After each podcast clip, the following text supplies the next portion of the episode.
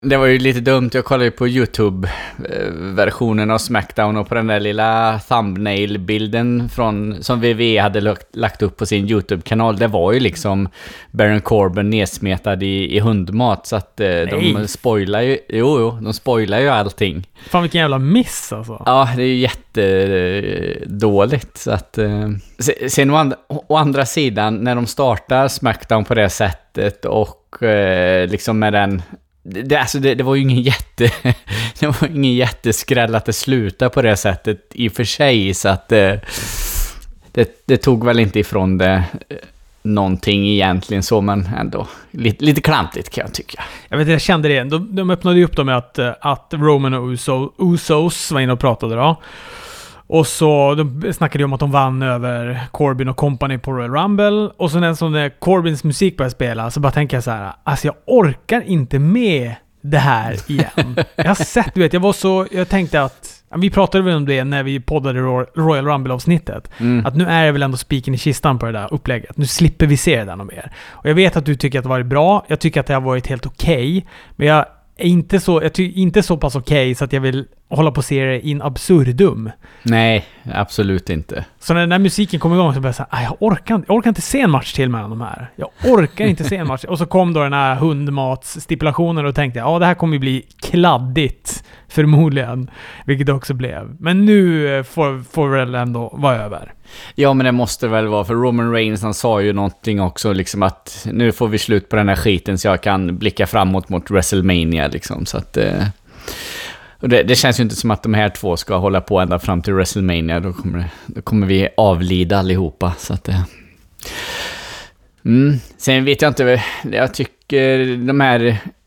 Eh, li, lite mellan raderna, pikarna till Oso som har, om deras rattfylla och det. Jag tycker de känns lite konstiga för... Det är liksom Oso står som face-brottare där inne och Eh, de pikar dem för att de har varit rattfylla och uh, kört, kört rattfulla och, och annat av ett flertal gånger har de gjort det och sådär. Så att, uh, och de, uh, de bara rycker på axlarna lite sådär. Som att, ja, nej, jag vet inte. Jag tycker inte att det, det känns riktigt, riktigt fräscht.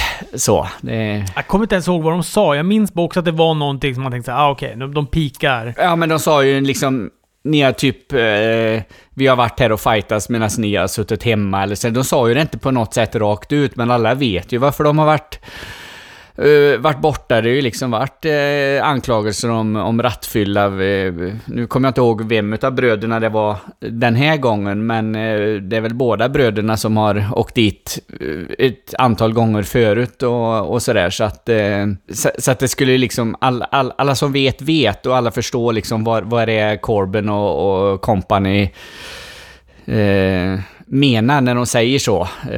och och då, då, känns det lite konstigt att de är babyface och eh, sen var de good guys liksom och kan bara rycka på axlarna och le lite åt en sån peak, eh, kan jag tycka. Vi, eh, vi får en Fatal Four Way tag team match där eh, vinnaren då ska få gå om titlarna mot New Day på Super Showdown. Det är väldigt mycket Super Showdown-byggen nu. Eh, Saudiarabien, en torsdag om två, tre veckor. Jag kan, jag kan inte exakt när det är. Ja, tre veckor. Tre veckor, ja. Heavy Machine är då, det är Revival, det är Lucha House Party och det är Miss och Morrison. Jag tycker att det här är en ganska underhållande match. Det är ganska mycket roliga spots. The Grand Metalik och Morrison hade en serie ihop väldigt tidigt som jag gillade väldigt, väldigt mycket. Mm. Och en till grej som jag gillar väldigt, väldigt mycket. Det är att Otis, han har liksom fått den här uh, headshinkers odödligheten som de hade i skallarna, fast i magen. Mm. När man slår han i magen, ja. då biter det inte. Det snarare stärker Otis. Morrison testade ju att skicka en spark där då, men Otis bara skakar igång istället och så langar han in då eh, miss i ringhörnan och gör en big splash följt av en double caterpillar. Eh, på Miss och på Dawson i slutet där. Ja, jag skrattar högt åt uh, Otis. Han är, han är störtskön han. Jag tycker den här matchen är, är jättebra. Eh, lite, på vissa ställen kändes det som de var lite lite osynkade eller sådär, men fasen, det går ju fort och de hoppar och flyger och far och sådär. Och jag, jag, säger som du, Grand Metallic och Lindsey Dorado, men framförallt Grand Metallic, han gjorde en hel del jädrigt fräcka grejer alltså, så att, eh, ja. Riktigt bra match. Det är kul när det startar så på, eh, på ett Smackdown. För det, det gör lite, även fast det finns lite... Eh, det, det är lite upp och ner det här Smackdown. Jag tycker nog ändå att det är liksom ett, ett, ett bra Smackdown. Eh, men med en sån här start så gör det att man är lite mer man är lite mer förlåtande kanske när Elias är inne eller vad, vad det nu kan vara. Nej, men liksom man, man, man köper det då. Man, men när man får ett Smackdown som är rakt igenom skittråkigt, liksom då, då har man ju ingen eh, förlåtelse för någonting liksom. Men, eh, och jag, jag, är inte riktigt lika negativ till den här Roman Reigns Corbyn-grejen som, som du är. Så liksom, även det ja, det var liksom både efter öppningssegmentet och efter den här matchen så var man fylld med rätt så mycket positiva tankar. Så att, eh, även fall jag håller med dig att det är himla skönt att Corbin och, och Roman är, är slut nu, för ja, nu får det vara bra. Men, men ändå. Möjligen att jag blandade ihop det där lite. Jag vet inte om, om Otis gör Caterpillaren på Miss och Dawson. Jag tror att jag menar att det är Miss och Dawson i slutet. För det är en skull crashing finale följt av en Starship Pain av Morrison. Och eh, då vinner de matchen. Och ska då vara i Saudiarabien och eh, gå då mot eh, New Day. Precis.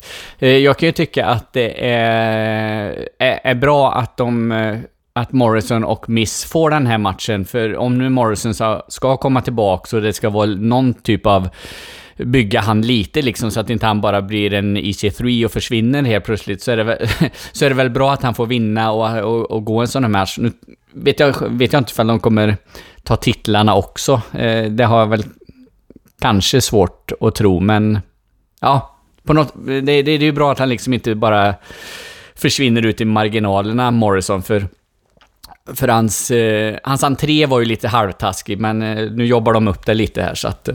Mm. Alexa Bliss och Nikki Cross möter Fire och Desire. Har vi inte sett den här matchen förut? jo. Har vi inte sett den hur många gånger som helst? Det känns, alltså när jag ser det här och när vi, med starten med Corbin och, och Roman och Usos och Dolph och Robert Roode, då känner jag bara så här. Det, det är liksom samma matcher om och om igen. Det känns som att Smackdown inte har några brottare. Men vi vet ju att de har jättemycket brottare. Men det är bara det att de väljer att nöta samma grejer om och om igen.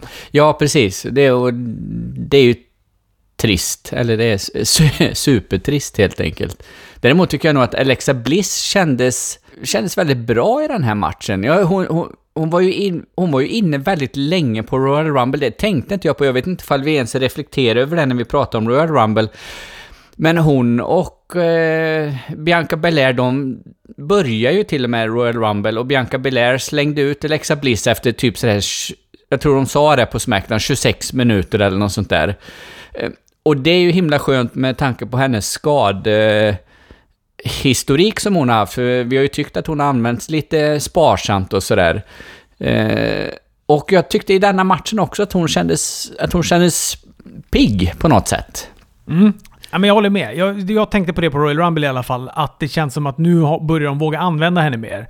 Det kanske är väl också bara att man vill, du vet, skynda långsamt med henne för att hon inte ska skadas igen. Eller någonting, jag vet inte.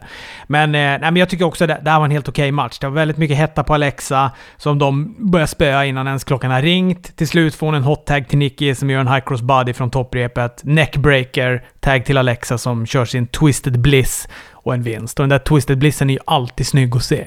Ja, precis.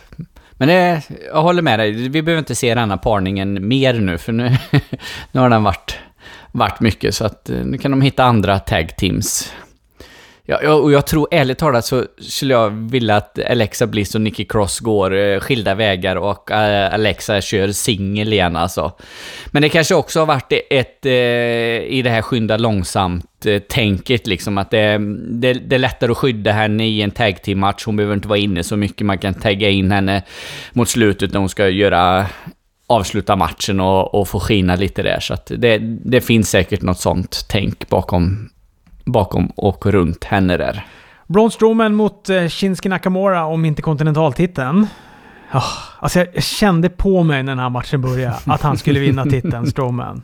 Och det gjorde mig på dåligt humör. Och då var jag inte så intresserad av den här matchen heller. Jag tycker att det var en ganska ospännande match som slutar med att Sammy klär av ringstolpen för att Nakamura ska använda den till sin fördel. Men givetvis vänder Braun Strowman det och skickar in Nakamura där istället. Följt av sin power slam, vinner sin första singeltitel. Äh, piss! Han behöver inte ha den där titeln. Det är mycket, mycket bättre om Nakamura har den. Ja, jag, jag håller med dig. Eh, jag tror Braun Strowman är väldigt glad å andra sidan. Så att vi kanske får vara glada för hans skull då, men samtidigt så håller jag med. Han, han behöver inte ha en titel. Han, han är en sån där brottare som...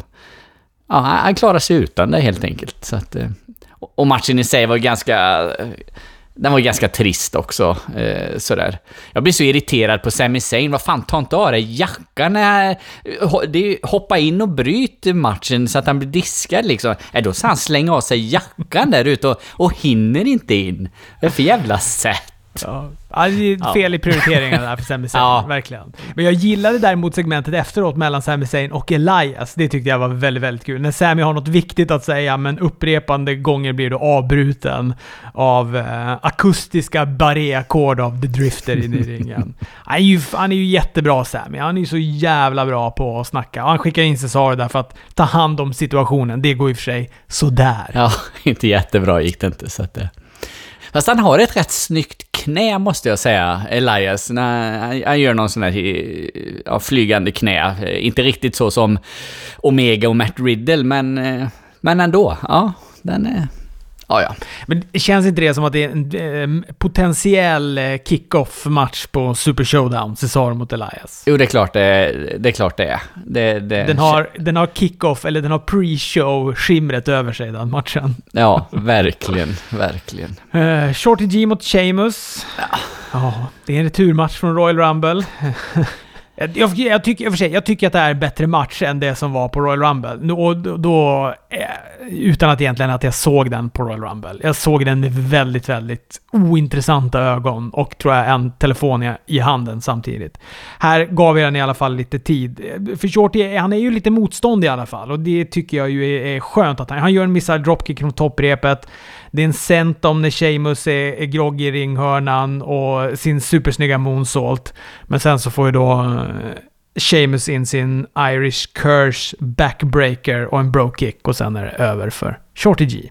Men alltså skulle man inte vilja se Shorty G tillsammans med Leo Rush, Angel Garza eh, och hela det gänget eh, runt den här cruiserweight-titeln? Visst skulle det vara mycket, mycket roligare och intressantare att se han där, för han är ju en jädrigt duktig brottare, eh, Shorty G.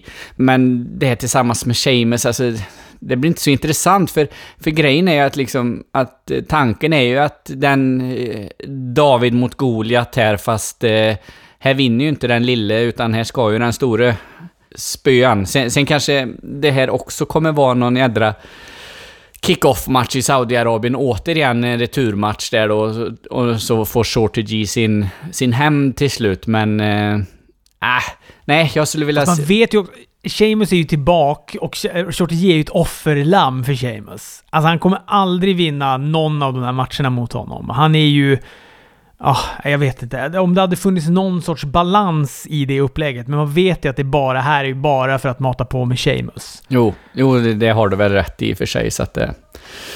Ja, vi får se. Jag tror att... Jag har läst någonstans att eh, Shorty G's då, kontrakt eh, löper ut ganska så, så snart. Så att... Eh, ja, får väl se ifall han är sugen på att skriva på nytt eller ifall han hamnar någon annanstans.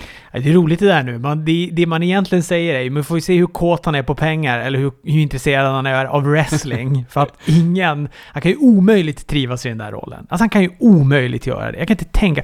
Ja, ja fan. Men det, det är som du säger. Alltså, det, han i NXT och så med att vara Chad Gable igen och inte den här Shorty G-gimmicken och framförallt inte de där kläderna. Det, det, skulle, det skulle kunna vara hur bra som helst. Det var tur du sa hans namn, för jag hade fan glömt av det. det var ju... ja, stackars ja. Chad Gable. Mm. Vad hette hans tag team-polare? Eh, du menar Kurtans son där? Eh, Exakt. Kurt Angles son. ja, du, eh, Jordan. Just det. Jason Jordan. Jason Jordan, ja precis. Det är ju så himla synd att det blev som det blev för honom. Eller å andra sidan, i den, i den kontexten att, eh, att han är Kurt Angles son, det tyckte jag var värdelöst. Mm. Och som singelbrottare tycker jag han var värdelös.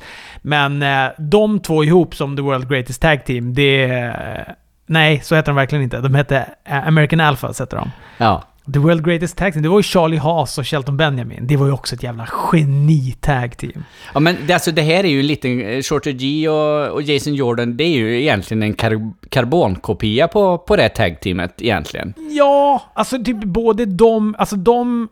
World Greatest Tag Team får barn med 90-tals Steiner Brothers. Så, så känns det ju. Ja, okej. Alf- American Alphas. Ja, Som ett resultat av. Jag tycker de hade väldigt mycket Steiner Brothers i sig. ja, kanske det. Jag har inte tänkt på, men absolut. Ja, nej, men det, det var ju synd. Det var ju synd att det... För det, det var väl skador... Eh, det, det var väl lite det att Chad Gable var väl borta ett tag och då blev Jason Jordan själv och så kom Kurtan där och så gjorde de hela den här... Och sen blev ju Jason Jordan skadad och han har väl fått sluta, eller jag... Eller, eller vet man? Det, det, var ju, det var ju tal om det i alla fall, att hans karriär var över och vi har ju inte sett honom direkt någonting eller så, så att... Eh, ja, det, det var synd, för, för de kunde blivit ett jädrigt, jädrigt bra... Eh, eller de var ett bra tag team, men eh, de kunde blivit ett stort tag team också om de hade fått eh, fortsätta och, eh, och samtidigt att Vince hade sett potentialen givetvis. Det, det är ju också en, en, eh, en variabel man får ta in i den ekvationen, så att... Eh, jag tror att det var någon nackskada va? Var det inte det? Som gjorde att han är sideline, eh, att, att han är åsidosatt. Och sen tror jag att de, de hade väl förhoppningar att han skulle komma tillbaka. Men sen så efter operation och allt sånt där så tror jag inte det blev... Eh, jag tror inte, nu gissar jag egentligen bara, men jag för mig att jag har läst rubriker om det här. Eh, att han... Ja men det blev inte så lyckat som de hade förhoppningar och så tror de inte att han... Jag tror inte han kommer komma tillbaka överhuvudtaget. Men hej, det tog nio år för Edge att komma tillbaka, så att vem vet? nio år och ett, eh, och ett bud på, från AEW på 3 miljoner dollar. Exakt. Exakt. Tror jag inte Jason Jordan har riktigt samma status som Edge, men... Nej, men vem vet. Men, men det är lite intressant annars att WWE, då eh, både Daniel Bryan och, eh, och Edge hade liksom, ja, eh, vet du det, kontraktsförslag från andra förbund och VV ville inte då eh, cleara dem. Eh, doktorerna ville liksom inte godkänna för att de skulle få brottas, men när det började ryck, eh, rycka i dem från då från, som Edge då, AEW, jag vet inte vem det var som var ryckt i, i Daniel Bryan. Men eh, då helt plötsligt så är det okej att doktorerna kan cleara dem och så hostar man upp lite pengar. Det, då, då är inte hälsan så himla viktig längre. Alltså jag tror att det där är lite foliehatt alltså. Jag, jag tror inte WWE skulle släppa... De är för rädda om sitt... eh, Om det skulle hända någonting med Edge, om de släpper in honom i ringen eh, för tidigt eller utan att han egentligen är clearad av doktorer och så skulle han bli förlamad. Det skulle ju vara förödande för hela förbundet. Jo, det skulle det ju. Eller för företaget. Jag tror inte att det där har någon påverkan, utan jag tror mer att det är, alltså... Vad fan, ja men det var ju du som sa det förra veckan. Edge hade ju gjort en operation, den hade ju gått bra. Han har ju fan tränat i nio år. Däremot tycker jag, det enda som jag tyckte var konstigt med hela den där grejen, det var väl Kurt Angle va, som, som de helt plötsligt då släpade upp i ringen. Som man du vet ser det så här. Du, han är ju typ stelopererad. Karn kan ju fan knappt gå. Vad fan, släppa inte upp han till ringen. Men Daniel Bryan har ni... Han tillåter ni inte att brottas. Nej, precis. Och jag för mig att när de då annonserade att Kurt Angle, för Kurt Angle tog väl... Var det Roman Reigns plats va? När Roman Reigns försvann. Ja, just det. Precis. När de skulle göra någon reunion av Shield så tog ju då Kurt Angle platsen. Han kom in i den där uh, Shield-västen och såg ju för jävligt. Och då uh, twittrade ju Daniel Bryan “interesting” eller något där. Och sen var det ju bara någon månad och sen var ju han clearad. Ja, ja. Ja, ja. Tillbaka till Smackdown Fredrik, för att det hände ju jävlar i mig spännande grejer sen. Bailey kommer in i ringen, skryter om sin vinst på Royal Rumble. Då kommer Naomi in med världens sjukaste huvudbonad.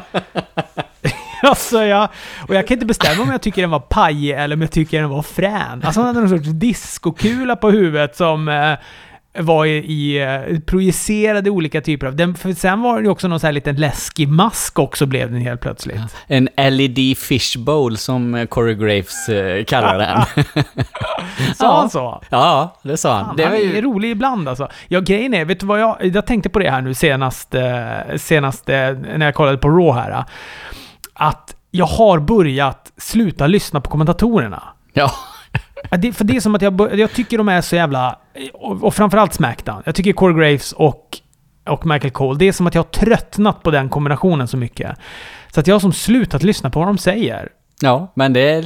Men det där var ju för sig roligt. Ja, jo, det, det var kul. Han har... Kommer guldkorn ibland. Ja, det kommer guldkorn från, eh, från Corey Graves ibland. Det, det, det får man ju göra. Han, eh, eller får man ju ge honom. Han sa någonting också. Men det kommer jag inte ihåg vad det var. Det var ju himla dumt. Det var, det var väl Mandy Rose-matchen där. Fan också att jag glömde av det.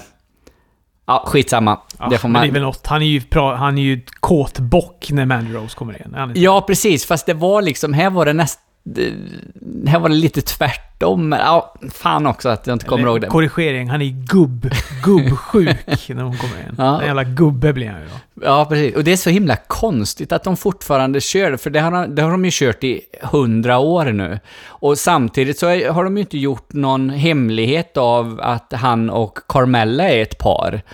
Så att det är lite märkligt att han ska sitta där och, och dregla över Mandy Rose varenda gång hon, hon kommer in då liksom. Så att, eh, och Carmella ska bara...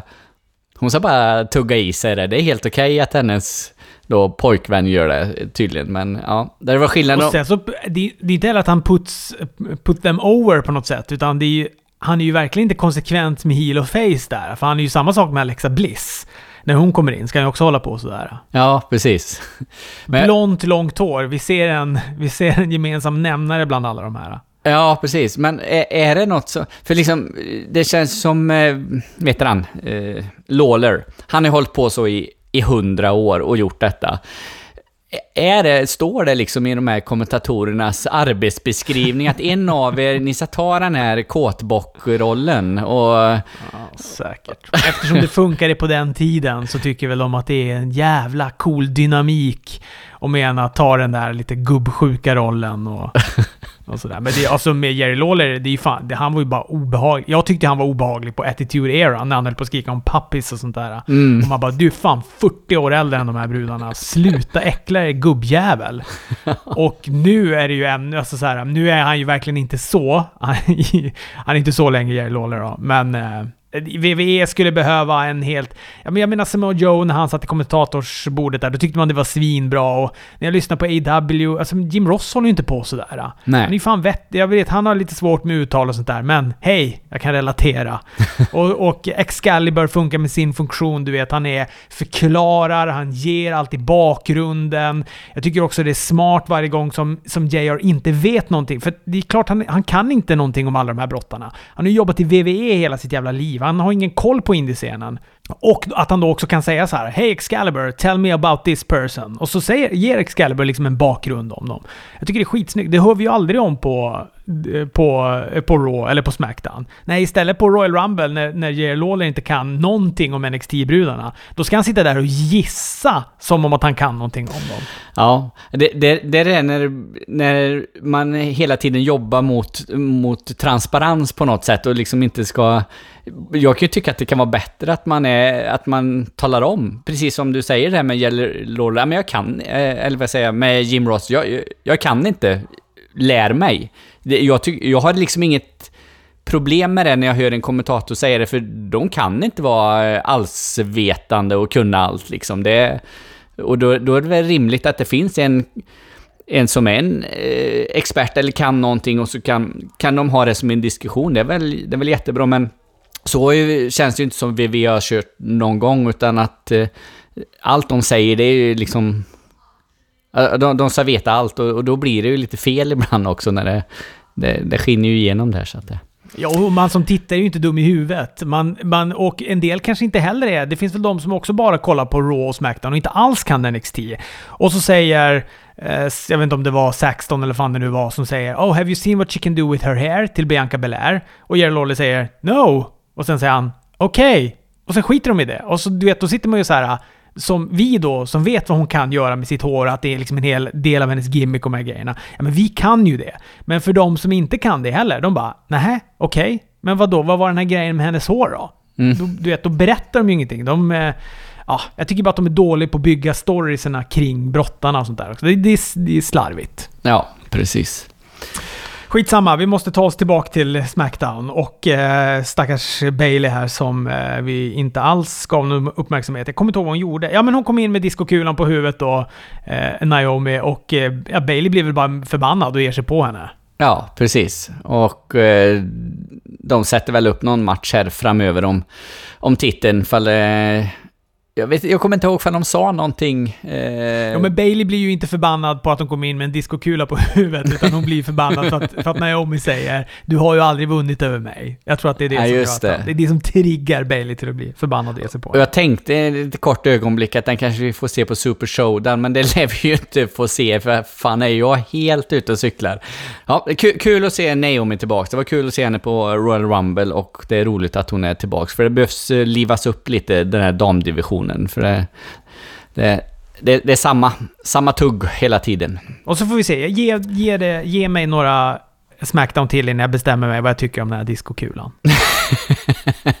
ja, precis. Att hon fick in allt hår i den, det var ju imponerande. Men den var ju som elastisk också, såg du inte det när hon tog av sig? För jag jo. tänkte så här, hur har hon på sig den här? Det för, du vet, jag har ju sett Teddy Bear Stockholm uppträda med sina gigantiska papier-maché björnhuvuden. ganska otympligt när de står, du vet, jag ska gunga med i musiken till, med huvudet till dem och sådär. Och de blir ju väldigt stora och framförallt väldigt hårda. Eh, men det här var ju som bara en... Det var som någon sorts... Den var elastisk. Hon drog som av den likt en strumpa. Ja, precis. Ja, och sen då när man trodde man hade sett allt, ja då får man en loser eats dogfood match som main event på Smackdown. Usos och Roman Reigns mot Corbin och company. Robert Roode har långbyxor på sig. Det är sånt som jag sitter och fokuserar på. Det är man ju inte van att se honom. Han brukar ha småbyxor annars. Jag gillade att han hade långbyxor. Mm. Uh, Ja, jag vet inte, vad kände du för de här hinkarna med hundmat som stod där på sidan, Fredrik? Nej men alltså, de tog ju in dem precis i starten på det här programmet. Jag var ju äcklad redan då, när man, och så kommer det ju in någon någon stackars anställd som skulle gå och eh, fylla på och röra runt med jämna mellanrum under programmet bara för att verkligen eh, ja, lägga fokus på den här stackars hundmaten. Så att, eh, ja, Nej, jag, jag var väl inte jättenöjd med den här uh, stipulation för den här matchen. Däremot tyckte jag att matchen var helt okej. Okay. Jag, uh, jag, jag, jag, tyckte den var bra. Det, det blir lite stökigt med, hela de här, med alla de här sex tillsammans. Det har det, har det varit hela tiden och det, det, är väl det som jag har gillat med det liksom så. Uh, ja, och sen, sen får de ju... Roman Reigns får ju sin hämnd och det är ju inte en dålig hämnd heller. Det är två 10 liters hinkar med hundmat som de häller över Baron Corbin där på slutet och han står helt nerkladdad. Men ja, vi får hoppas att det var det sista. Jag tycker det var nästan hypnotiskt att se den där hundmaten i hinkar. alltså motbjudande hypnotiskt. ja, så nästan och, och det, kände att jag hamnade i en sorts trans eller någonting när det gungade till i de där hinkarna. Nej, det var, det var vidrigt. Det var det. Och som du säger, det är sedvanliga sex, six man tag team stöket när det gäller de här matcherna. Corbin vänder en Superman punch till en chokeslam. Eh, får in sin deep six. Det är ett väldigt close fall efter det. Uh, Usos Suicide Diva, Road och Ziegler. Corbin lyckas undvika en uh, spear som uh, Roman sen då i sin tur lyckas rulla upp. Ja, han bara gör en roll-up tror jag. Jag tror han vinner på en klassisk roll-up här, den här matchen. Ja. Mm. Sen blir det kladdigt och sen är det över. Mm. Nu ska vi prata om Raw och det tycker jag ska bli spännande. För det här Raw tyckte jag var riktigt, riktigt bra. Jag var jättenöjd med det här Raw. Mm. Alla matcher var bra. Publiken var bra. De hade innan, jag stod ju och sände radio i natt och så fick jag någon sån här flash om att möjligen kommer arenan vara tom för att det är någon sorts snöstorm där de är och, och eh, myndigheterna hade eh, avrått folk att ta sig ut, hålla sig hemma. Så tänkte jag, fan vad spännande, om det kommer bli liksom sitta så här 4-5 pers där, eller 20 pers i ringen eller någonting. Men eh, äh, jäklar vad de var, de hade ju tagit sig ut nästan allihopa, för det såg ju fullsmockat ut i den där arenan. Och vilken bra publik! Fasen, man märker vilken skillnad det blir när publiken är sådär bra. Mm. De är med på allting. Det är ett långt, långt startsegment med Randy Orton. 12-13 minuter och sånt där, då han egentligen bara är tyst. Han säger ju ingenting. Han står och ser lite besvärad ut. Han ska börja prata, det är massa burop, “You suck”, “We hate you”, allt vad det nu är. Och sen säger han “I can do this” och så lämnar han. Och du vet, publiken bara buar ju. De hatar ju Randy Orton för det här. Mm. Och eh, som jag sa, långt segment där det egentligen inte händer någonting. Men eh, det kändes nytt och fräscht och jag gillade det jättemycket. Ja, jag ty- gillar också starten. Jag tyckte det var jättebra. Och det, som, som du sa, publiken är ju verkligen med. De, de kunde ju de kunde stått, eller suttit tysta så. Men fasen alltså, för, förra veckan, eh, vilket, eh, vilket hat han byggde upp hos fansen, Randy Orton, med, med det han gjorde mot Edge alltså. Det, ja, Bra, bra jobbat får man ju säga till, till, till Randy Orton. Eh, så det verkligen visselkonsert här. Så att, eh, nej. Sen får vi en rematch från förra veckan. Det är Lana och Liv Morgan som ska göra upp. Men den kan du ju inte mena att den var bra den matchen. Ja, men det var ju ingen match det här. Det, nu var det ju verkligen, om det ändå var lite, lite grepp förra gången, så den här gången var det ju... Nej men det var Lana gjorde någon sån klassisk healning och fejkade en vristskada och sen får hon en spark i huvudet av Lee Morgan. Och så skriker hon I'm the best wrestler in the world. Det finns någonting ändå roligt när de som verkligen inte är the best wrestler, utan kanske the worst wrestler in the world, skriker att de är the best wrestler in the world. Fan, det hela, hela jävla Hives byggde ju upp hela sin karriär på det. När de bara, ingen hade ens hört dem. De bara stod och skrek om att de var världens bästa band i en sån här källarlokal i Luleå inför 15 pers. Och man bara, vänta nu, det är, ingen, ni, det är liksom ingen här. Det är ingen som tycker ni är bra. Men, men eh, de var envisa med att de var världens bästa band. Och sen blev de kanske också ett av världens bästa band. Jag vet inte. Ja, fast det, det tror jag de här två historierna går isär mellan The Hives och Lana. Du menar att Lana inte har samma utvecklingspotential som The Hives? Nej, det, det tror jag verkligen inte. Hon, hon kommer liksom inte stå på ett WrestleMania och tacka alla andra för att de har agerat för match åt henne när hon vinner eh, damtiteln som Hives gjorde på ett Hultsfred när, klockan tre en lördag natt och de går ut och tackar alla andra band, alla andra förband eh, som har varit på detta Hultsfred. Eh, jag, jag tror inte att, jag, jag tror det går isär där, eh, mellan The Hives och Lana. Och The Hives hade ju också en grundbrahet som Lana saknar. Hon är ju också den sämsta, eller en av de absolut sämsta. Medan Hives ändå var ju svinbra innan alla andra också började tycka de var svinbra. Vilken jävla eh, jämförelse, Hives och Lana. Den, den, tror, den såg man inte komma när vi började det här avsnittet. Nej, det är därför man ska lyssna på den här podden. Precis. Eh, Liv Morgan gör sin flatliner igen som hon vann på sist eh, och det gör hon också även denna gång. Men sen, det som jag då tycker att det här blir så bra, det är ju att Ruby Riot äntligen kommer tillbaka. Jag älskar ju Ruby Riot. Jag tycker hon är så cool. Hon kommer in, hon har tror jag, mer patches än någonsin. Jag ser lite misfits och såna här grejer. Ja, det var det. Det är lite rock-on. Jag vet inte om ni hade den butiken. I Luleå fanns det en butik som hette Rock-on. Som var verkligen, du vet, så här... Ah, man kunde gå dit och, och sen kunde man gå ut med en jeansjacka med, ja du vet, allt ifrån så här... eh, det, ja, det var... Det var patches från, från Slayer till uh, Def Leppard på den jävla Mm. jackan. För det var sån mischmasch, sammelsurium av olika fräna rockband. Misfits måste ju också vara ett av de banden som har sålt mer t-shirts än vad de har sålt skivor. Alla älskar Misfits-loggan, men ingen älskar riktigt bandet. Nej, nämn en låt med Misfits. Ja, men, ja, men Static Age-skivan är ju fan... Jag gillar ju ändå Misfits. Fast jag är också en sån som stör mig på folk som säger att de gillar Misfits. Så därför försöker jag hålla mig ifrån och, och säga att jag gillar dem. ja. Misfits är mer coola att gilla än att verkligen... Vad fan, de spelade ju typ fel på hela deras första skiva. Jag tycker det är svinpunkigt att göra det. ja. Om det, man nu det, är alltså... Min, jag tror att jag, jag började gilla Misfits egentligen genom helt fel väg. Vi, vi har ju pratat om Snapcase tidigare i den här, i den här podden. Mm. Då i form av att eh, Eric Rowan hade en Snapcase-tröja på sig va? Eller var det Luke Harper? Mm. Ja, någon utav dem var det. De, de kom ju in... Ja, jag skitsamma. Ja, jag var ganska sen med att äh, veta vilka Misfits var, så jag äh, äh, lyssnade på... var ju väldigt inne på Snapcase där ett tag och hittade då någon sorts Misfits Tribute-skiva där Snapcase gör en version av låten She som Misfits har i sånt jävla 180-tempo och med sin uppspända virvel. Jag får bara gåshud bara att jag tänker på den låten. och efter det så började jag vara såhär, okej, okay, ja men låten var ju svinbra, jag måste ändå kolla in Misfits. Och så började jag eh, botanisera lite bland dem också. Mm. Skitsamma, var var vi någonstans? vi var på Ruby Riot ja. Hon har Misfits patch. Hon har också en ny halstatuering. Den var cool. Okej, okay, det tänkte inte jag på. Hon har så jävla mycket tatueringar överallt så att... Eh, jag märkte inte ens att hon hade en ny. Men den får jag spana in då. Vad var det... Vad var det för något? Nej, det var bara halsen.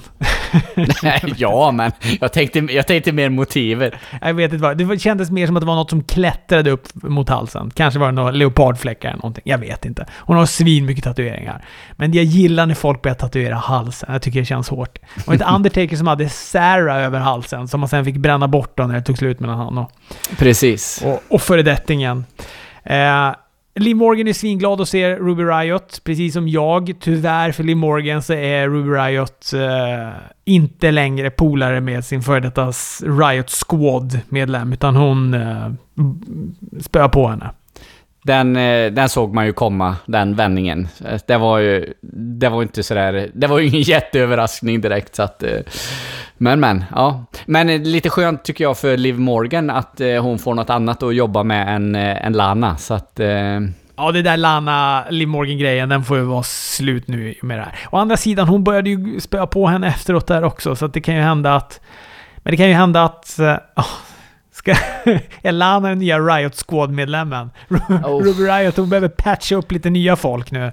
Och eftersom nu Sarah Logan och eh, Liv Morgan här nu har, har hittat ut. Det, det lät ju inte jätteupphetsande, men... Eh, ja, vi får se vad som vad som händer. Eh, för, på tal om eh, Lana och, och Rusev och allt detta. Nu gick ju, vet jag, Bobby Lashley en match och vad, Rusev, är han... Är han skadad eller borta av någon anledning? För nu har vi ju inte sett han på ett... Nej, jag tror bara att det är klassiken. Just nu har vi inget ongoing för dig. Nu finns det ingen storyline för dig. Nej, de plockade ut honom i, med Royal Rumble-fighten där på... På... Um, på parkeringen eller vad det var de höll på med och sen plockade de bort han från TV då. Ja. För det, kän, det känns ju lite som att den här Liv Morgan-Lana-grejen också faller lite om inte Rusev och, och Bobby Lashley är inblandad på något sätt. Eh, det, det är klart, Lana och Liv, de kan ju absolut, de kan ju vara, fortfarande vara ovänner då, men nej. Och det, och det känns ju som att Rusev är, är bortplockad ur ekvationen och Bobby Lashley är inblandad i lite andra grejer och Sådär, så att, ja, vi hoppas att det är slut med det. Riddick Moss, eller Riddick Moss, vad heter han? Mm. Exakt. Riddick Moss. Riddick. Och eh, 24-7 champion Mojo Rawley står i ringen. Drew McIntyre kommer in till Huge Pops. Folk älskar honom. Jag älskar honom. Mm. Han deklarerar att han ska claymore kicka huvudet av Mojo om ett tag. Först ska han bara pratar lite om Brock Lesnar. Uh, ja, han snackar på lite med honom. Och sen tycker jag det är väldigt roligt när han ruggar tillbaka helt plötsligt och är så här Åh, oh, ja just det, jag glömde bort att du stod där Mojo. och sen så sa han väl någonting om att just det, det var den där Claymore-kicken. Och så gör han den och så går Mojo i backen. Var det en match till och med det här? Jag kommer inte ihåg, jag vet inte om han tog, räknade ut honom eller? Eh, jo, det var väl en, en match eller så, så att... Eh... Det var Mojo Rileys push det. Nu är den över igen, äntligen. Ja, precis. Han är fan skön, eh, Drew McIntyre. Jädra eh, bra är han. och det är som du säger... Ja, han är bäst. Ja, ja men han är verkligen bäst. Det, det, det, just nu känns det som att man kan gå komma in och göra precis vad som helst och jag skulle köpa allt. Eh, liksom, om man skulle komma in med Rikishi och köra någon jävla dans liksom, ja men gör det för fan. Du är ju superhet nu så att... He's so hot right now. Ja. Sen ska det då bli en sån här six man elimination. Det är Buddy Murphy och det är Kevin... Uh, nej, nu ska vi se här. Det är Buddy Murphy och AOP som ska då möta Kevin Owens och Viking Raiders. Då blir de sex va? Mm. Mm. Kevin Owens, apropå ny tatuering, med en ny Tyrannosaurus rex på axeln. Såg du den då? Ja, den har jag sett. Men den var väl inte ny för kvällen, eller hade han inte den förra veckan också? Har jag för mig. Jaha, jag reagerade bara över den nu. Men han kanske hade den förra veckan också. Skitsamma, den var frän i alla fall. Seth Rollins är bra som hybris heel. Ah, fan, han är, nu, är, nu börjar jag älska Seth Rollins. Han är så himla, himla bra. Och jag älskar det här stallet så fruktansvärt mycket. Hans promo innan matchen också om att han då ska trockla sig igenom den här matchen senare om vem som ska möta Brock Lesnar om titeln i Saudiarabien. Säger då att Drew kanske måste flytta fokus och förbereda ett WrestleMania mot honom istället. Och då sitter jag och känner så här, ja, ja, Absolut. Alltså, nu, jag, jag vill hellre se Drew McIntyre mot Brock Lesnar, för jag tror att det ger mer till Drew McIntyre att han får vinna och ta titeln av Brock Lesnar på WrestleMania. Det kommer bygga Drew McIntyre mycket, mycket mer. Men en match mellan Drew, mellan Drew McIntyre och Seth Rollins om titeln sen i framtiden, det kan också bli hur bra som helst. Ja, absolut. Bara för att båda är på bra ställen i livet just nu, eller i karriären just nu. Ja, precis. Nej, men det, det känns som de har hittat helt rätt med, eh, med Seth Rollins liksom. Nu, nu buar ju publiken åt honom för att han är en dryg jävla heel liksom. Nu buar de inte för att de är, är less på honom som de gjorde förut, så att... Eh, och, och, och, allt han säger, det är liksom om Drew McIntyre kan komma in och göra vad som helst så känns det som Seth Rollins kan säga lite vad som helst också. För att, för att han är, är på det sättet han är. För han liksom kommer ju in och, och liksom ber publiken om ursäkt och sådär. Och tänker man, ja men det är lite konstigt sådär, eller... Fast med hans, den här hybrispersonligheten så funkar det ju liksom. Så att, nej, jag tycker, jag håller med. Eh, skit, skitbra. Och, eh, och det gillar liksom hela den här upplägget med Kevin Owens och att Viking Raiders får vara med. Tyvärr så är ju inte Samoa Joe med här, för han är väl tydligen avstängd då för någon sån här wellness policy grej, vilket är li ja, lite Jag, jag tror inte att det var så. Jag, jag såg att någon hade skickat ut det där, men sen så... Alltså jag har försökt läsa runt på det och det verkar som att det är det stämmer inte. Han är inte alls borttagen på det, utan det är att han är skadad från sist när han drog i huvudet. Det är väl hjärnskakningen, antar jag. Ah, okay. Sen ja. kanske WWE hellre säger att de har tryckt i sig droger än att deras brottare kan potentiellt få hjärnskakningar när de gör sina moves i wrestlingringen.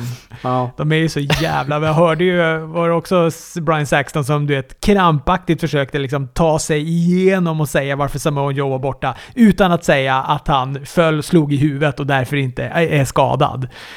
Alltså, vi såg det. Det hände framför våra ögon. Han drar huvudet rätt i, sen tar ni han bort. Nej, okej. Okay. men då får vi hoppas att huvudskadan inte är så allvarlig givetvis och han, att han är tillbaks eh, hyggligt snart. För eh, jag älskar den här kombinationen också. Att vi har Kevin Owens och Samoa Joe, Viking Raiders då, mot det här andra stallet då med Buddy Murphy, Akam, Razor och Seth Rollins. Ja, eh, de, de, skulle kunna göra så mycket bra grejer med det. Jag tycker att de redan gör bra grejer, men det skulle bli en, kunna bli en episk fade fram till WrestleMania mellan de här fyra stycken, eller åtta stycken brottarna då, så att det... Mm. Alltså Ivar och Butcher, alltså Butcher från AW snackar jag om nu då. Mm. De har nog fan de hårdaste high cross bodiesarna jag någonsin mm. sett. Alltså du vet, det, är, det ser så massivt ut när de kommer på diagonalen på det där sättet. Jag tycker det är så jävla coolt. Han gör ju också den rätt in i LED-sargen som de har där. Och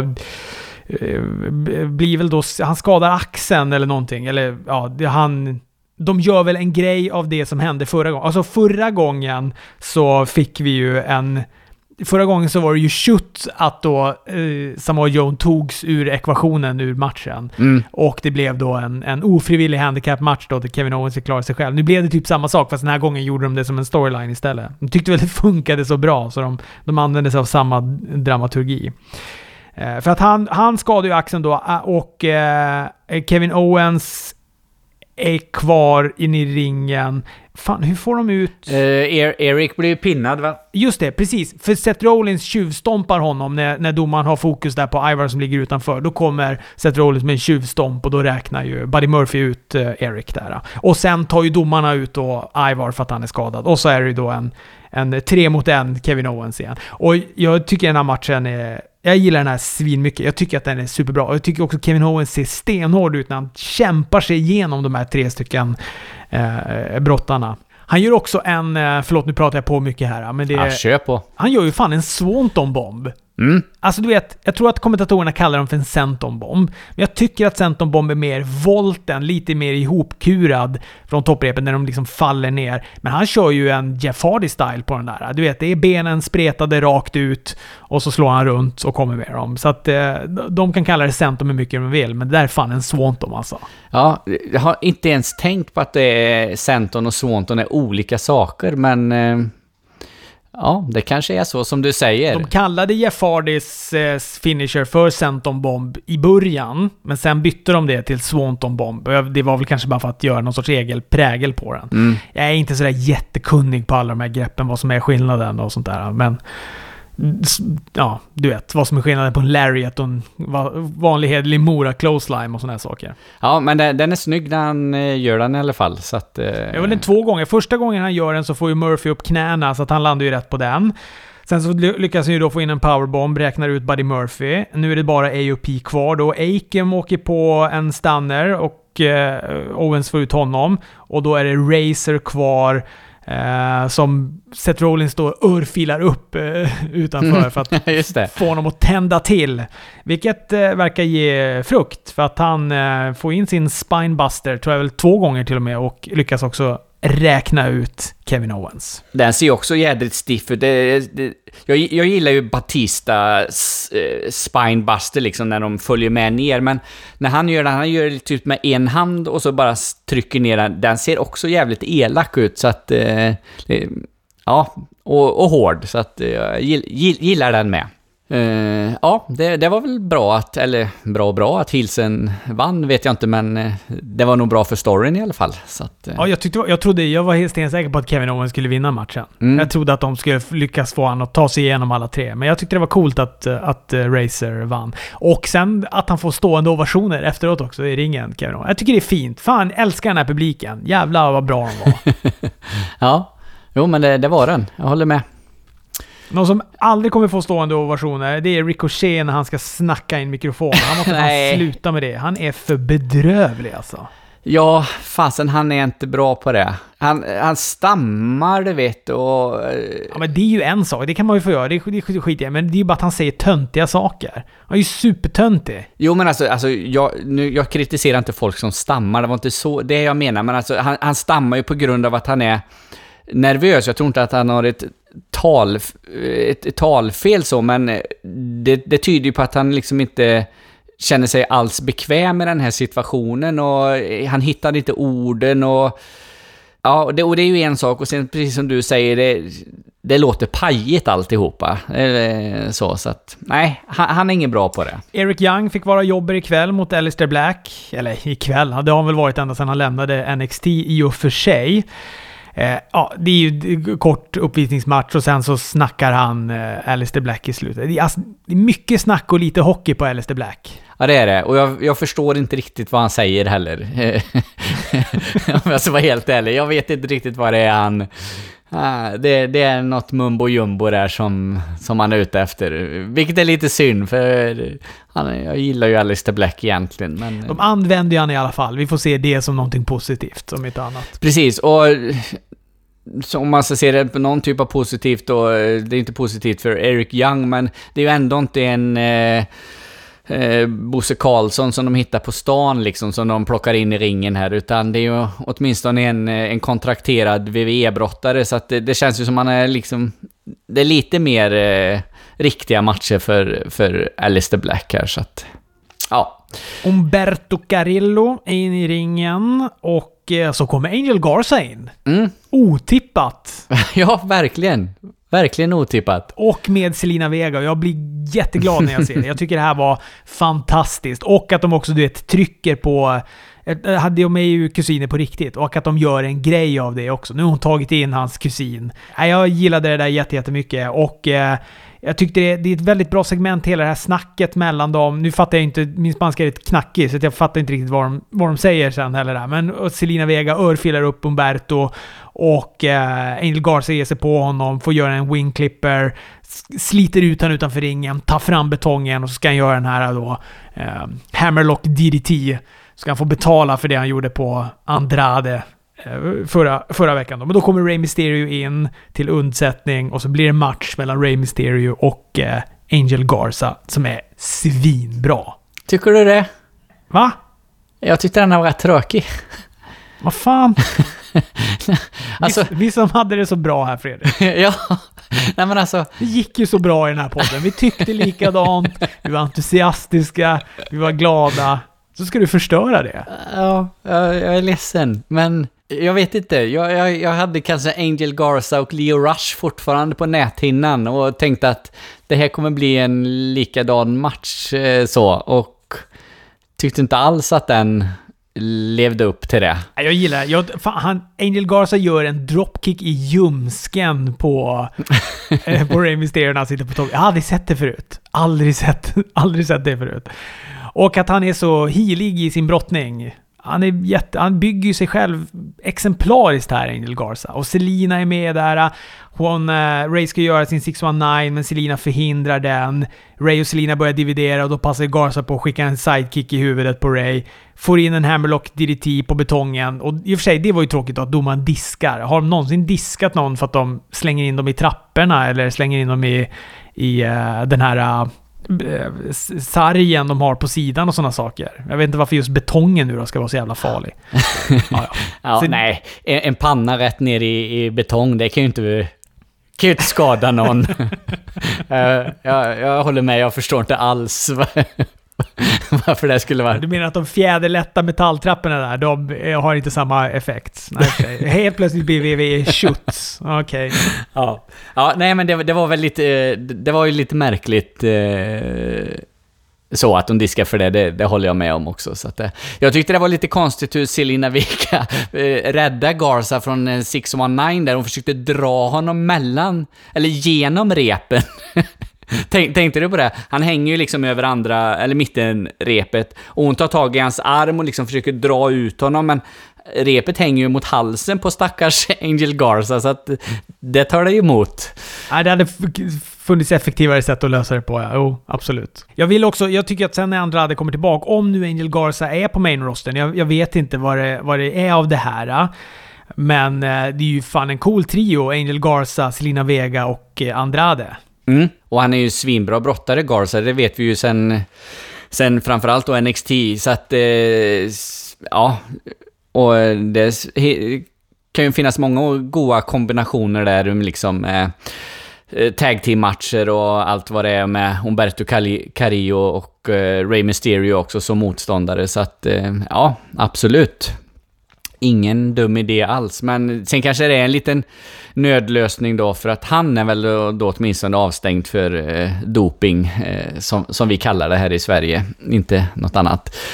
Eh, Ja, vad vi kallar det för. De har äventyrat eh, VVS hälsopolicy. Det, det, skulle de, det skulle de skrivit i Aftonbladet nu när hon, eh, vad heter hon, Fransson, någon brottare, åkte ju fast för, för doping här. Hon hade något positivt. Ja, Jenny Fransson ja. Det skulle hon skulle gått ut och sagt det att eh, jag är tyvärr avstängd för att ha äventyrat min hälsopolicy.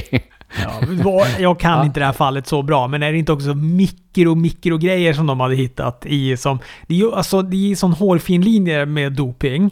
Jag har ju svårt att tro att man dopar sig rent, alltså du vet, med eget, på eget bevåg. Det känns ju som att de här dopinggrejerna är ofta så här, ah, fan, jag, du vet, då har hon råkat dricka någon ny multivitamindryck som innehåller någonting som just då och då har blivit eh, klassat som eh, potenshöjande medel eller vad fan det nu kan vara. Prestationshöjande medel eller något sånt där. Prestationshöjande tror jag. Eh, Ja, det är mer korrekt beskrivning än potenshöjande. Det är något annat man håller på med då. Mm. Ja.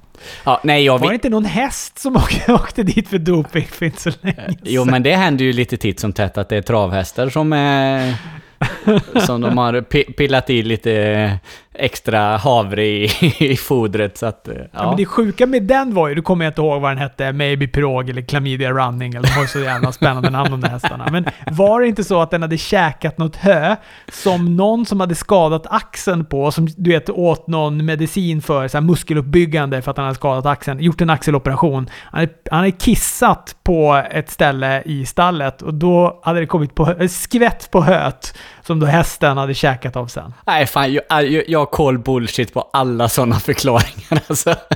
Det är ju som Johaug med den jävla lepsylen och allt vad det nu är. Nej, jag vet inte. Ja, vi, vi, ska inte, vi ska inte hänga ut eh, Fransson här, för vi, vi vet inget om det. Men det var det som stod i... Wellness policy tycker vi är, eh, är en bra beskrivning istället. Det, det låter inte lika hemskt. Charlotte Flair är inne i ringen. Hon ska utmana någon till WrestleMania. Det har hon hållit på med nu i två veckor. Hon har ju vunnit över Becky, hon har vunnit över Bailey, hon har hållit Raw-titeln, hon har hållit Smackdown-titeln. Publiken börjar ropa efter Rhea Ripley. De är steget före WWE för att strax efter det så sätter de igång hennes musik och hon kommer in i ringen. Hon säger då “Du har aldrig vunnit över mig. Om du vill gå en match om en titel på WrestleMania, kanske, kanske om den här titeln då, så håller hon upp då sin NXT eh, Women's Championship-titel. Det här måste ju nu betyda då att eh, Charlotte Flair kommer väl börja hänga lite på NXT nu. Ja, jo men det, det lär det ju... Det lär det ju vara. Och ja, jag vet inte vad man, vad man tycker om det egentligen. Jag har varit, eh, jag har varit väldigt glad att NXT, Raw och Smackdown då, förutom den här Survivor Series-månaden, eh, har liksom hållit isär brandsen och man har ju varit lite rädd för liksom att eh, NXT ska, ska bli main roster-ifierat eller så på något sätt. Men... Eh... Det är ändå lite special occasion nu. Det är ändå WrestleMania och då kan jag ha lite mer överseende med det. Och jag ser, jag tycker att det är mer intressant en match mellan de två på WrestleMania än att hon ska gå mot Bailey eller mot Becky. För då kan Becky och Shayna Baszler gå match och så kan eh, Charlotte Flair och Rhea Ripley gå match. Och sen vem Bailey ska gå med, mot det har jag inte räknat ut än. Men jag lovar att jag kommer hinna göra det innan WrestleMania. Naomi är väl en... Ja, just det. Naomi just det. är en gissning från min sida. Eh, så. Ja, nej men alltså jag, eh, jag tycker att detta är, eh, som, precis som du säger, att det, det, det blir ju något annat. För det, det, kände man ju direkt när hon vann Royal Rumble, Charlotte Flair. Ja, nu sa hon och Becky gå igen liksom. Det har jag sett hundra gånger. Så att, så att så sett är det ju Uh, mer intressant, absolut. Och de kan säkert gå en jättebra match, uh, de här två, så att uh, va varför inte? Men vi fick väl inget riktigt svar, utan vi fick ett, eh, ett wow och sen gick hon ut där. Så att, eh, ja, vi får se. Sen så var det match mellan Natalia och Aska och eh, den här matchen gillade jag också jättemycket. Jag tyckte den var superbra. Jag vet inte om det är mitt goda humör som gör att jag bara sväljer allting, men jag tycker Natalia var jättebra i den här matchen. Den kändes hård, den kändes inte som en klassisk Natalia-match i alla fall. Det kändes mer som en klassisk Aska-match som Natalia... Ja men det var som att parningen de två ihop funkade väldigt, väldigt bra. Tycker också det var coolt när uh, Natalia skriker “Oh, you wanna go shoot on me bitch?” eller något sånt där efter uh, Aska hade trocklat ihop henne med något stift jävla knä eller någonting. Nej, jag, jag gillade den här matchen jättemycket. Aska vinner på sin Aska-lock. Efter så vrålar hon om en rematch om titeln mot Becky. Becky kommer in, ser stenhård ut och eh, accepterar väl en match. Jag tror den blev väl också att vi ska få den nästa vecka tror jag. Ja, precis. Det, eh, jag trodde nog kanske nu då i och med att Charlotte och Ria höll på där uppe att... Eh, där uppe säger det var bara för att jag scrollade ner på, på dokumentet jag tittar på på, på, på datorn här. Eh, men i matchen innan så eh, tänkte jag nog att då kanske det här blir något... Eh, ett, en wrestlemania match mellan Becky och Aska, men det verkar ju som att de kommer eh, riva av den snabbare än så, så att... Ja, och jag vill ju fortfarande att Aska ska vinna, men det, jag, jag får väl antagligen inte som jag, som jag vill. Hon har ju ett bälte redan, Fredrik. Räcker inte det? Eh, ja, men jag tycker att det bältet kan de lämna till någon annan. Och sen vill jag att Kyrie Sane också ska få bli sin, eh, sin egen karaktär igen. Eh, tycker att hon inte... Ja, jag, jag tycker om Kyrie Sane och Eh, jag tycker inte att eh, hon används speciellt bra nu. Hon får springa runt som någon liten psykopat utanför eh, ringen när Aska går matcher. Ah, Nej, bort med bältet på de två och så gör de till singelbrottare. Mm. Main event. Där vi får Seth Rollins, Bobby Lashley och Ricochet. De ska möta varandra då och göra upp om vem som ska möta Brock Lesnar. Gud vad det är mycket sådana matcher nu i Saudiarabien då. Eh, i instinktivt så tänker jag ju direkt att det här kommer bli eh, dippen för mig på Raw för att jag är så fruktansvärt ointresserad av Bobby Lashley. Men jag tycker ändå att det här blev en bra match. Alltså den var, nu, den var ju, det var ju en, en rapp match framför allt. Det var stökigt för Buddy Murphy kommer in, AOP kommer in, Viking Raiders kommer in. Men det börjar bra innan det händer och sen är de inne och stökar ett tag. Sen åker ju de ut igen och så är vi då tillbaka till den ursprungliga eh, trion. Jag, jag, jag tycker den här matchen är bra. Jag är, fan, jag är imponerad över Bobby Lashley. Han gjorde ett coolt grepp när han simultant utför en neckbreaker och en DDT samtidigt på Seth Rollins eh, eh Ricochet. Mm, jag, kan, jag kan bara hålla med. Jag tycker att det, att det var ett jättebra avslut på, på Raw. Jag trodde nog faktiskt till och med att Bobby Lashley skulle, skulle vinna matchen. Och jag eh, kan tycka att Bobby Lashley, Brock Lesnar på, i Saudiarabien hade nog varit en, en attraktion eh, på något sätt. Nu blir det... Nej. Jag var ju stensäker på att han skulle vinna och att de typ facear honom nu då, eller något sånt där. Mm. För det kändes verkligen inte som att Seth Rollins Brock Lesnar passar nu, apropå var Seth Rollins är. Och eh, Ricochet var jag bara, hade jag bara helt räknat bort. Jag tänkte att den här... Uh, ja men Royal Rumble-grejen och det, det, det var vad det var. Eller förlåt, han... han jo, men han, han blir ju pungsparkad veckan innan Royal Rumble och så gjorde han ju igen på Royal Rumble Ricochet. Så, att, så de, de, de, de har ju... Han fick lite hem där. Precis. Så på an, andra sidan så har de ju ett litet upplägg då, Ricochet och eh, Brock Lesnar. För Brock Lesnar vill väl ha eh, revansch då kanske för att han eh, Ricochet indirekt orsaka hans eliminering där. så, så att visst så finns det ju någonting där som, som man kan bygga vidare på. Brock han kom ju även in här då och gjorde en F5 på, på Ricochet. Det, det jag är lite rädd för eh, att det blir en sån här jävla tre minuters match igen i Saudiarabien då mellan de, de här två. Fem stycken F5. Ricochet gör någon grej det första och sen åker han på ett antal F5s och Suplex eh, City-historier och sen är, är den matchen slut. Vilket Ja, det, det är stor risk att det blir så, men jag känner liksom att fan, Brock Lesnar, han skulle kunna göra så jädra bra matcher. Jag, jag är helt säker på detta. Jo, jo, men då kommer ju Ricochet vara... Alltså, det är absolut, det där är ju worst case scenario. Ah, jag pratar så konstig engelska. Det där är ju det absolut värsta tänkbara scenariot. Att, eh, att det ska bli en sån match mellan Ricochet och Brock Lesnar. Jag tror inte det. Jag tror mer att de kommer göra en... De har för mycket respekt för Ricochet. Paul Heyman är supertaggad på Ricochet. Han sköter mycket av bokningen och sånt där på Raw. Jag tror nog att det mer kommer vara en sån Brock Lesnar-Ray Mysterio-match. Alltså, där, eh, där ändå Ricochet kommer få in ganska mycket. Kanske till och med att man ska nästan tro vid några tillfällen att han ska vinna matchen matchen. Close falls och såna här saker.